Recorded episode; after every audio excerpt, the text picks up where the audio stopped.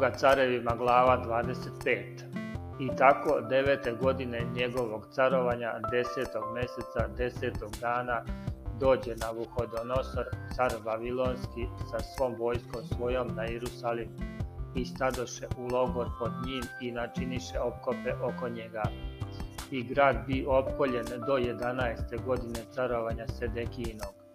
I devetog dana meseca četvrtog posta velika glad u gradu, te narod zemaljski nemaše hleba. Tada grad bi provaljen, a vojnici svi pobegoše noću na vrata između dva zida uz vrh carev, a Haldeji behu svuda oko grada i car otide putem k pustinji. Ali vojska Haldejska potera cara i stigoše ga u polju Jerihonskom, a sva vojska što beše s njim razbeže se od njega. I uhvatiše cara i odvedoše ga k caru Vavilonskom u Riblu i onda mu sudiše i sinove Sedekijine poklaše na njegove oči, pa onda Sedekiji skopaše oči i svezaše ga u dva lanca bronzana i odvedoše ga u Vavilon. A sedmog dana petog meseca godine 19. carovanja Navuhodonosora, cara Vavilonskog dođe u Jerusalim Nebuzardan, zapovednik stražarskih sluga cara Vavilonskog, i popali dom gospodnji i dom carski i sve domove u Jerusalimu, sve velike kuće popali ognjem.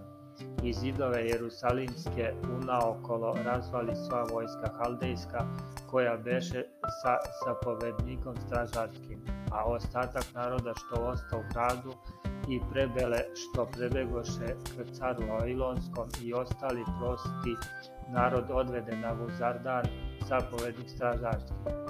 Samo od siromaha u zemlji ostali zapovednih stražarski koji će biti vinogradari i ratari i stupove bronzane što behu u domu gospodnjem i podnožja i more bronzano koje beše u domu gospodnjem izlomiše haldejci i bronzu od njih odnesoše u Vavilon i lonce i lopate i viljuške i kadionice i sve sudove bronzane kojima služahu uzeše i klešta i kotliće, šta god beše zlatno i šta god beše srebrno, uze zapovednik stražarski.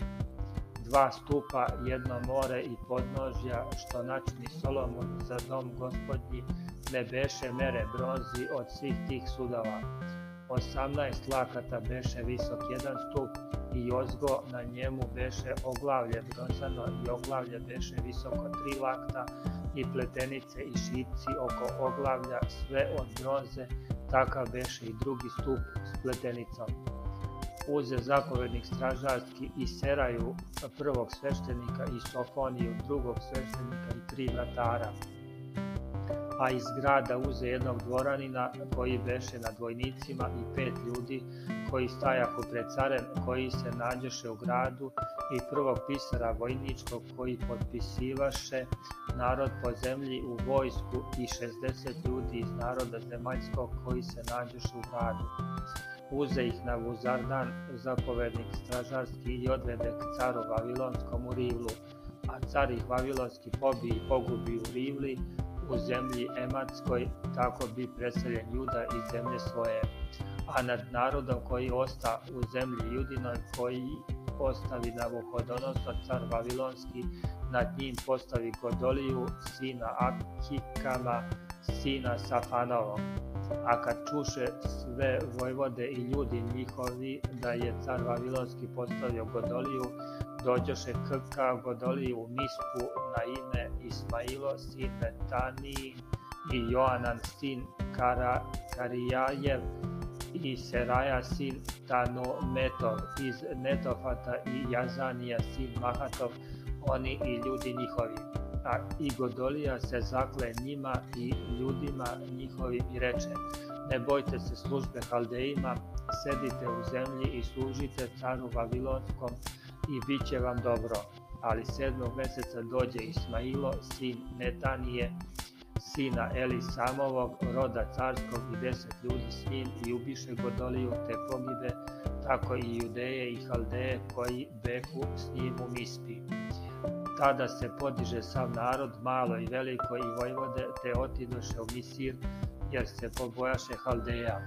I, a 37. godine od kako se zarobi Joahin, car Judin 12. meseca 27. dana Evil Merodah, car Vavilonski iste godine zacarivši se izvadi iz tamnice Joahina, cara Judinov i lepo govori s njim i namesti mu presto više prestola drugih careva koji behu kod njega u Vavilonu.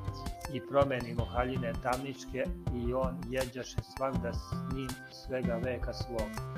I hrana mu se jednako davaše od cara svaki dan svega veka njegovog do smrti njegove.